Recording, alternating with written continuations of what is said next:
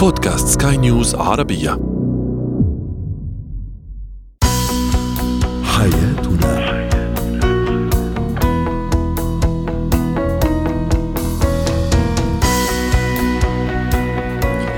مستمعينا الكرام أهلا بكم معنا إلى حياتنا فضاؤكم اليومي الذي يعنى بشؤون الأسرة وباقي الشؤون الحياتية الأخرى والذي يمكنكم الاستماع إليه عبر منصة Sky News Arabia dot com slash podcast وباقي منصات سكاي نيوز العربية الأخرى. معي أنا آمال شاب. اليوم سنتحدث عن خطورة وأسرار إفشاء خطورة إفشاء أسرار الشريك وأسرار العلاقة الزوجية بشكل عام أيضا. سيكون لنا حديث عن مخاطر وقوع الطفل على رأسه. وأخيرا إتيكيت الوقوف عند السيدة وعند الرجل أيضا. هو وهي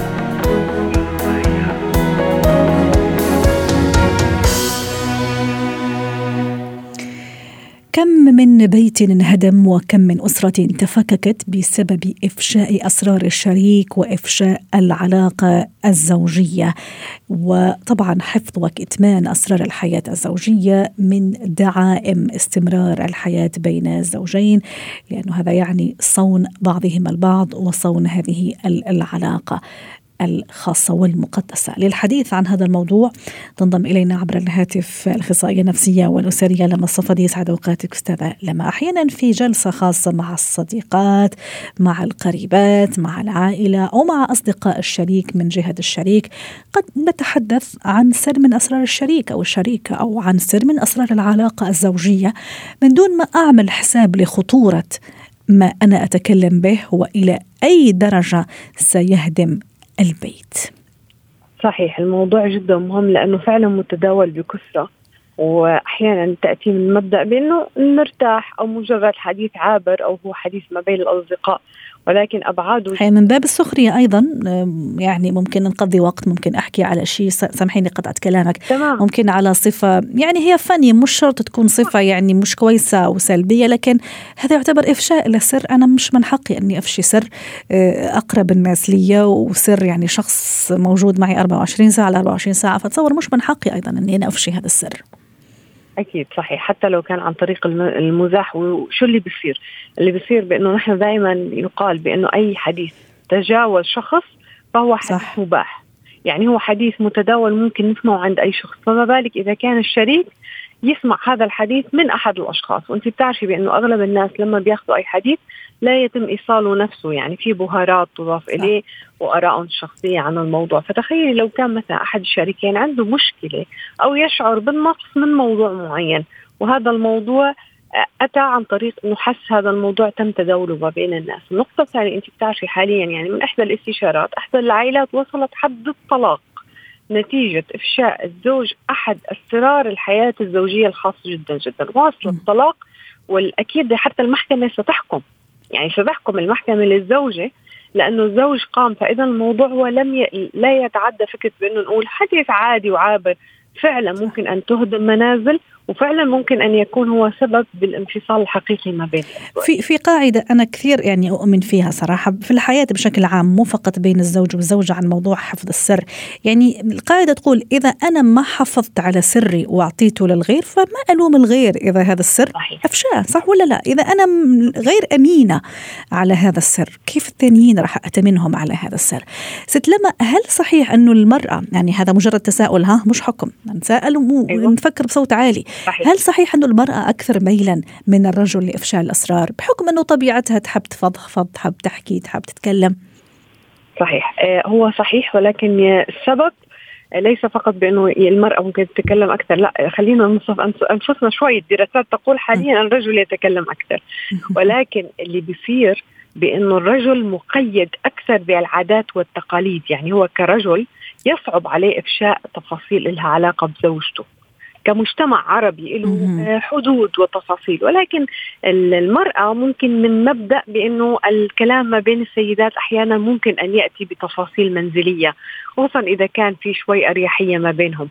فإذا السبب ربما بأنه ممكن الرجل مقيد والدليل على أنه بالمجتمعات الأخرى غير العربية لا ممكن أن يكون الرجل هو الأكثر حديثا عن المشاكل اللي اللي بتخص الزوجة أو التفاصيل فيها. فإذا هو فقط نظام مجتمعي. آه في نقطة أيضا جدا مهمة بأنه بأغلب الأحيان نحن لما نطلع أسرار بيتنا ممكن آه، أحيانا بنحكي في كثير أشخاص بحبوا يلعبوا دور الضحية. بإنه بنحكي لنبين بإنه أنا شو مظلومة أنا شو بتحمل. مرت في هاي المواقف وإلى أي مدى تأثرت. ولكن وين الصدمة الأكبر؟ الصدمة الأكبر لما فعلا بتكون الآراء كلها معها على إنك أنت كيف ساكتة أنت كيف صح. متحملة هالموقف. انت فبالتالي تخيلي بأنه أحيانا إفشاء أسرار إن كان بغرض الاستعراض أو التسلية المزاح أنا أكون ضحية ممكن يخلي مشكلة بسيطة. ممكن تتعدى فكرة بأنه الزوج مثلا في الليل عنده الشخير مشكلة في التنفس. وهي بتصير بكثير. تخيل شوية بسيطة ولكن ممكن أن تؤدي إلى أنه هي تصير تحس حالها أنه هي سبب مصايب حياتي.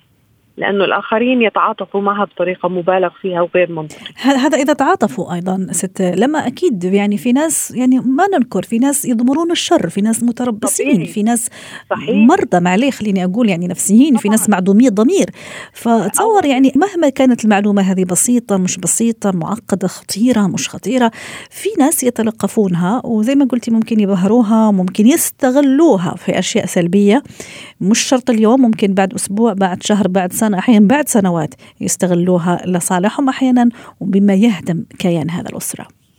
أكيد صحيح. ودائما نحن بنقول بأنه أنت صديقك هو صديق اليوم ولكن أنت لا تدري بأنه هذا الصديق أين سيكون غدا.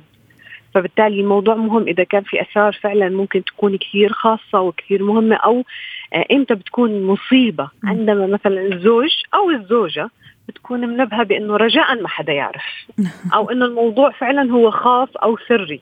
تخيلي يعني في تنبيه مسبق على إنه الموضوع ممكن يكون جدا خاص جدا سري ممكن حتى تصير في مشاكل في العمل أو في الحياة أو من مسؤولين ويتم افشائها مع شخص اليوم صديق ولكن بكرة لما ممكن ينقلب ويصير عدو فبالتالي المصيبة تصبح مصيبة. وخلينا نتفق أيضا ست لما مع حضرتك ومع المستمعين أيضا للتنويه وحتى يعني نعم الفائدة أنه الموضوع إفشاء السر لا يتعلق فقط بشريكي أو شريكتي ممكن يعني على مستواها الشخصي أو صفاته ممكن وضعنا المالي المادي أولادي يعني هذه أيضا من من من من نطاق الأسرة وفي يعني هذه أسرار الأسرة اللي ما لازم تطلع. ممكن أنا ابني في في, في شيء معين السر ما لازم يطلع أو في تصرف عمله أو في موقف أو أو أو فهذه من الأسرار أنا اللي باعتقادي.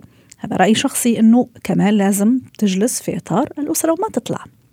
أكيد انت معك حق 100% وفعلا كلامك صحيح لأنه تخيلي وفعلا أنا يعني دائما بعطيكي قصص هيك من الواقع. م. تخيلي مثلا أحد الأولاد فكر يقدم على الانتحار مثلا. لأنه الأم قامت بإفشاء سر هو جدا خاص بالنسبة له أخبرها إياه مثلا عن قصة عاطفية جمعته ببنت أصدقائهم. يعني هي قصة من الواقع. صحيح تصوري يعني.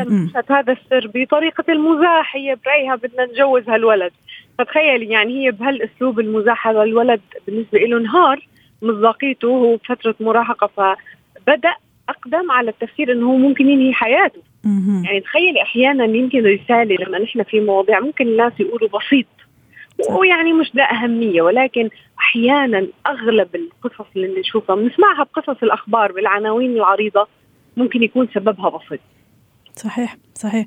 وعاد هذا ممكن أيضا أنا قد أكون محل سخرية ومحل سخرية من الناس. يعني ممكن خلي يقول آه، فشيت سر معين عن عن الشريك عن الشريكة عن ابني أو كذا. يعني في النهاية أنا اللي راح الام وأنا اللي يعني أنا اللي ربت هذا البيت أو أنا اللي رب هذا البيت. فأكيد راح أكون محط سخرية. يعني من وراء الظهر أكيد ما عم نحكي بشكل مباشر يعني. فتصور وانس أنا يعني أبتعد عن هذا الأشخاص اللي أنا حكيت حكيت لهم هذا السر. أكيد راح ما راح أكون محط احترام وتقدير. شو رأيك؟ أكيد. هي نقطة جدا مهمة. هي فكرة بأنه أحيانا نحن آه أنت آه حكيتي جملة جدا مهمة بأن نحن لا ندرك نوايا الآخرين. ممكن الأشخاص لما أنا أشكي لهم مشكلتي أو همي بيتعاطفوا معي بيظهروا التعاطف الإيجابي ولكن بالخفاء ممكن ما أتحدث منه يكون هو بالنسبة لهم سخرية. ممكن يكون نقطة سوداء بتاريخ حياتي يعني. هاي نقطة كمان مهمة بأنه أحيانا بجمعات السيدات نرجع للسيدات لأنه فعلا تحدث أكثر. بجمعات السيدات أحيانا في الصالونات صالونات الح... يعني يعني لما واحدة تروح تعمل شعرها مثلا في التجمعات مو يا ريت فقط في ال... بخفف عن نفسي بخفف عن نفسي أو إني أو ممكن ما أعرفها هذا السيدة خلص يعني هي هو لقاء أبو ساعة ساعتين وبعدين كل واحدة تروح في حالها. فتصوري هذه مشكلة أكبر أنا ما أعرف شخص وأحكي له. صحيح. النقطة الأصعب اللي الرأي الآخر م. مهما كان نحن كنا عندنا هاي المناعة النفسية بإنه أنا لا أتأثر. مثلا أعطيك مثال إذا كانت وحدة بتتكلم بإنه أنا زوجي ممتاز كل شيء ولكن عنده عقدة البخل. فتخيلي لو المقابل إلها سمعتها بإنه عقدة البخل وأنت صابرة وأنت متحملة لا روحي انفصلي روحي. يعني تخيلي إنه ممكن يكون خراب البيوت برأي الآخرين. وخصوصا لما نحن بنحكي شيء لغير مختص.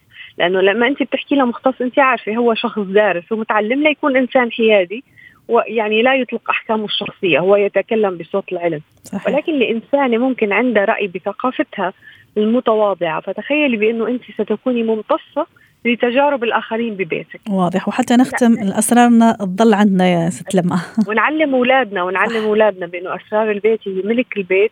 لا يصح بانه تخرج خارج المنزل. شكرا لك استاذه لما صفدي الاخصائيه النفسيه والاسريه ضيفتنا العزيزة من دبي. زينة الحياة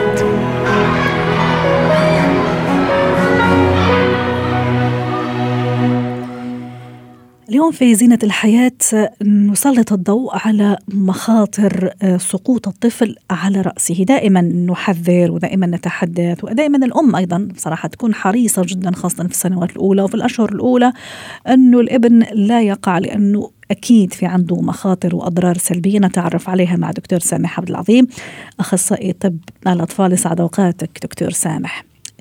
أه ما هي مخاطر سقوط ابني أو طفلي آه، على رأسه أو ارتطام رأسه بأي شيء؟ ممكن صلب بأي شيء آه، على الأرض أو ممكن في الجدار أو وين ما كان يعني. نحكي على الموضوع بشكل عام. وهل في سن معينه لازم أحرص إنه ابدا ما يعني راسه تصطدم بأي شيء؟ آه، أهلا بك يا مال واهلا بك أهلا يا دكتور. هو دايما الحقيقة بتختاري مواضيع مهمة وبتمس كل بيت. فطبعا هو الحقيقة إن الإصابات الرأس هي شيء خطير جدا في الأطفال. إحنا بنقسمه هل الطفل تحت سنتين أو فوق سنتين؟ تحت السنتين له تعامل وتقييم وفوق السنتين له تعامل وتقييم. طبعا منطقة الراس لها خطورتها ولها حيويتها في الأطفال وفي الكبار طبعا بسبب وجود المخ والأعضاء الحيوية المهمة اللي داخل الراس أو داخل الجمجمة. آه الحقيقة إن إحنا ممكن نبتدي من البداية شوية، يعني نبتدي إمتى الأم تبدا تقلق على طفلها الوليد من إصابات رأسه. أول حاجة بنتكلم أول ما الطفل بيقدر يرول، يعني أول ما الطفل يقدر يتحرك يلف أو يقلب نفسه لأن بعض الأمهات الطفل الرضيع بيكون آه غير قابل طبعا للحركة في الأول فالأم بتبقى آه مطمنة بتحطه على سريره بتحطه على السوفة بتحطه في أي مكان مش في بالها إن هو ممكن يتحرك. الطفل بيبدأ عادة الحقيقة إن هو يلف أو يقلب نفسه عند عمر السادس. بعض الأطفال بتبدأ ده بدري فطبعا الأم بتكون عينيها دايما على طفلها تخلي بالها إن هو أول ما الطفل بيقدر إن هو يقلب نفسه أو يلف خلاص تبقى فاهمة كويس إنها لازم تاخد احتياطاتها الكاملة لازم تحط الطفل وفي سبورترز جنبه حاجات تمنعه من السقوط من على المكان. لأن الحقيقة إحنا بنشوف أطفال كتير في العمر ده عمر السابع والثامن والتاسع بيقعوا من على السرير أو من على المكان العالي اللي الأم حطاه فيهم. دي أول حاجة. تاني حاجة الحقيقة إن الطفل أول ما بيبدأ يتحرك وأول ما بيبدأ يمشي ويتلمس خطواته فالطفل عنده شغف للحركة آه الكتير. فالحقيقة سقوطه بيبقى متكرر شوية ووقعاته بتبقى كتير جدا جدا وبيتعرض إن هو يقع على البلاط يقع يخبط دماغه في حاجة بدون قصد فده متكرر بعد عمر المشي اللي هو بنتكلم فيه من عمر السنة فيما فوق.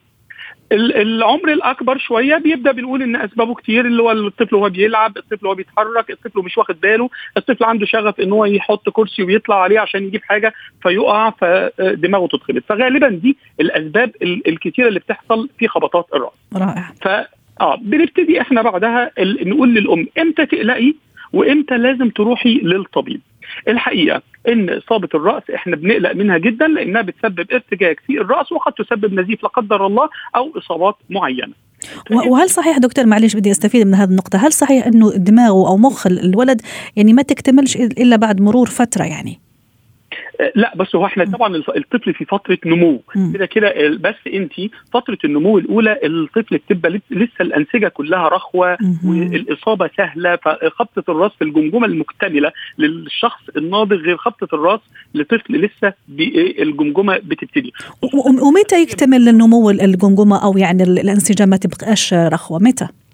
لا هو طبعا إحنا الفتحات اللي هي مسؤولة الموجوده في رأس الطفل عندنا الفتحة اللي هي خلف آه الفتحة الخلفية. أول ما الطفل بيبقى فيه فتحة خلفية في الجمجمة دي بتقفل تقريبا عند عمر الثلاث شهور من من عمر الولادة لعمر الثلاث شهور. م. الفتحة الأمامية اللي هي بتكون موجودة في مقدمة الرأس المفترض إنها بتبدي تقفل تماما من تسع شهور لسنة وثلاث شهور. فهي وال وال والحاجات البسيطة لكن الجمجمة بتفضل تتضخم وتكبر مع العمر. رائع. الشاهد في الأمر علامات الخطورة اللي لازم نحذر منها الأم ونقول لها إنك لازم تتوجهي مباشرة للمستشفى. اولا أنا هفرق بين طفل لسه صغير أقل من عمر السنتين وطفل آه وطفل أكبر من عمر السنتين لأن طبعا الموضوع هيبقى مختلف. لو طفلك أقل من عمر السنتين فانت مثلا هتلاحظي عليه تغير في الوعي. الولد بقى مش في وعيه أو بقى بيتحرك مش قادر يتحرك كويس. هتلاقي مثلا إن بدأت تحط إيديه على راسه فتلاقي حاجة بتتحرك تحت إيديك يعني حصل كسر أو شيء. هتلاقي مثلا خروج دم من أحد الفتحات من الأنف أو الأذن أو الفم أو خروج سائل أبيض اللي هو السائل النخاعي بتاع ال ال الرأس من الأنف بالذات. آه ممكن الطفل يخش في مرحلة تشنج. ممكن تلاقي إذا كان الطفل لسه صغير ولسه الفتحات اللي أنا اتكلمت عنها موجودة ممكن تلاقيها بدأت تبقى آه آه خارجة للأمام كده أو عاملة زي البالونة. لكن لو الطفل أكبر من سنتين بنضيف على الحاجات دي إن الطفل قد يكون فقد الوعي أو رجع وديت آه. علامة بتتكرر كتير علامة الترجيع أو إن في علامات إصابة عليه أو بدأ الطفل لو هو واعي يشتكي من صداع شديد. دي العلامات اللي الام لازم تاخد بالها جدا منها. تسمح لي أضيف لك شيء؟ أنا لما كنت أعمل search ما بعرف إذا صح ولا لا. اتساع حدقة العين هل هذا دليل على وجود نزيف داخلي مثلا؟ حدقة العين ده معناه نزيف في المخ ومعناه إن إحنا وصلنا لمرحلة متقدمة. إحنا مش هننتظر ابدا إن إحنا نوصل لهذه المرحلة. الطفل مباشرة بتتوجه الأم بيه للطوارئ لتقييمه عصبيا ويتعمل ويتحط تحت الملاحظة وسواء على حسب التقييم العصبي بنقرر إذا كنا هنعمل أشعة مقطعية أو هنبدأ نتعامل مع الطفل. ولكن هي الخطورة في أول 24 ساعة. أها لازم يكون تحت المراقبة. دكتور سامح في بعض الامهات أنا دائما وأنت دائما تقول لي الملاحظة أحب أرجع لبعض الأشياء اللي نعملها في البيت. مثلا تجيب دينار أو يعني قطعة معدنية وتحطها مثلا على مكان إذا كان في الجبهة مثلا. تحطها على مكان الجبهة حتى ما يطلع هذاك البروز. ممكن تحط ثلج هل هذا صحيح ولا لا؟ مثلا إذا كان في الرقبة أو في في الحقيقة الحقيقة في الجبهة. الحقيقة طبعا في إصابات الرأس على نظرا لخطورتها الشديدة. فإحنا ما نحبش إن الأم تتصرف بالشكل الشكل ده. إذا في بروز أو في شكل أنت لازم تروحي تطمني إن مفيش كسر أو في مشكلة. آه إذا كانت الموضوع مجرد كدمة وبس في احمرار والخبطة بسيطة استخدام الثلج مفيش منه مشكلة. ولكن إذا حصل أي علامة من العلامات اللي إحنا قلناها بالذات أنت بتقولي تحط عملة علشان حاجة ما تبرزش لا إحنا معنى البروز معناه إن زيادة الضغط الدماغي وإن الطفل في حالة خطرة وهيتدهور. لازم وقتها نتوجه مباشرة للطوارئ. ما فيهاش أي تأخير أو كده. بس أنا عايز أشير لنقطة مهمة جدا. باختصار دكتور سامح. نعم باختصار شديد. تفضل. ال child abuse إحنا إحنا بنفرق في إصابات الرأس. بعض الأطفال بتجيلنا بسبب إهمال الأم وإحنا بنعتبره إن هو ده آه إهمال مع الطفل وده شيء بناخد بالنا منه جدا وله علامات لأن أحيانا مش الطفل بيقع لوحده. أحيانا الأم بتكون بترفعه وبتهزه الأب بيلعبه فبيسقط الطفل منها وده بنعتبره إهمال وبيحتاج محاسبة ومحتاج تبليغ عن الحالة دي. رائع دكتور سامح شكرا سعدتني اليوم وشرفتني بهذا اللقاء وبهذه المعلومات. فعلا الجميله جميلة وإن شاء الله الكل يأخذها بعين الاعتبار أولادنا دائما مسؤوليتنا. شكرا لك دكتور سامح عبد العظيم. اتكات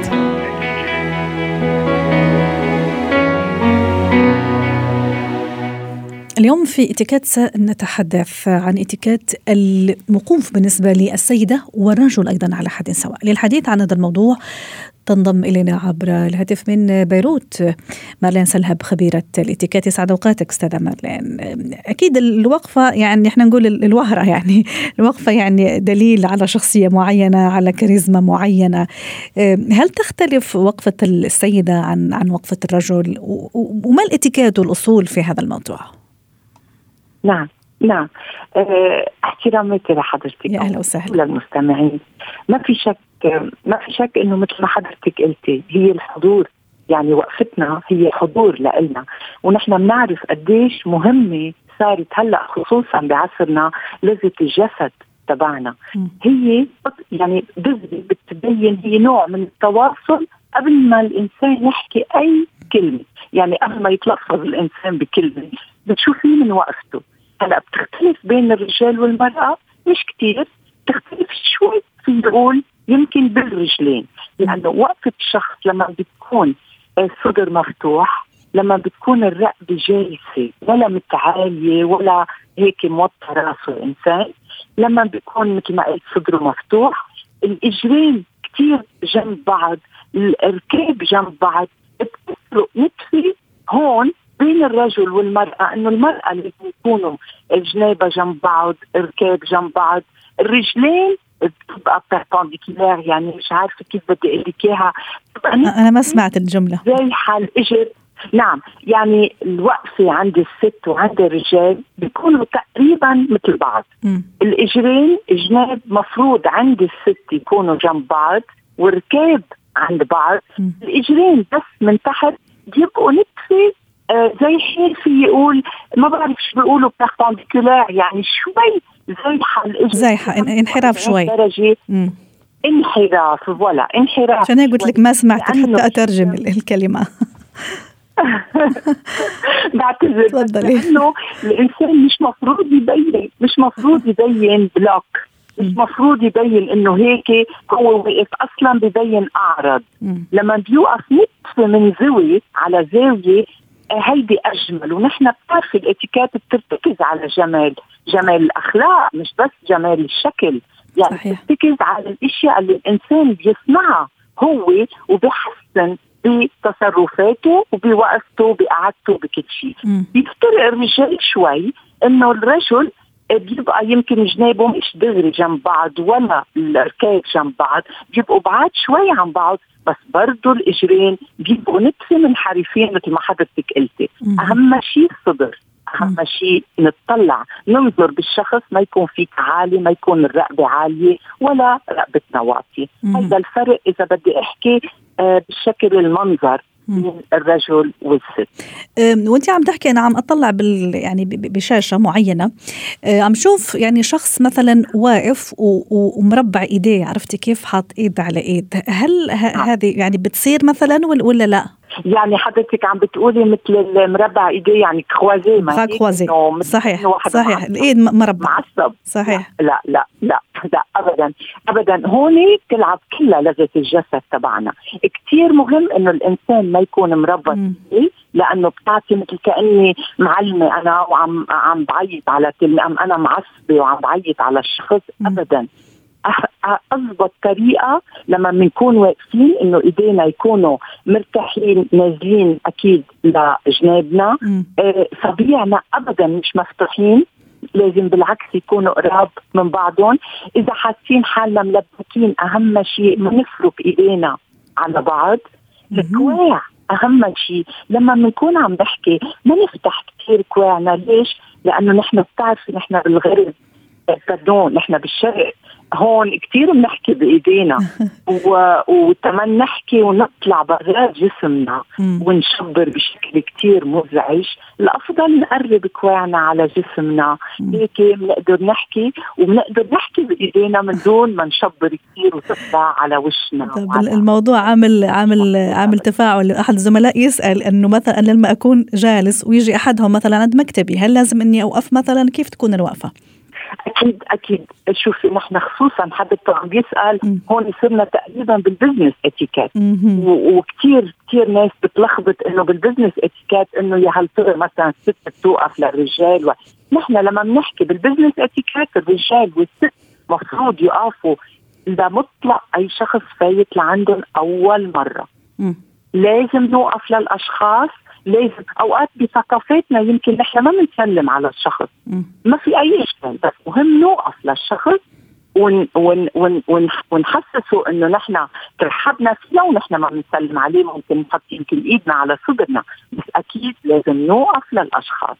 إلا أكيد بتفرق إذا ست قاعدة بصالون وفات حدا مثلا أصغر منا بالسن الست فيها ما توقف.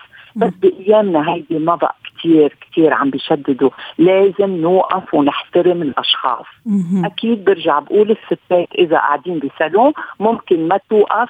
أكيد إذا نحن بمطعم وقاعدين من الأفضل ما نوقف إلا إذا الشخص وقف جنبنا دغري يعني سمح لنا إنه نحن نعرف عنه للناس الموجودين. على الطاولة تبعنا. شكرا لك يا أستاذة ملال سلهب ضيفتنا من بيروت.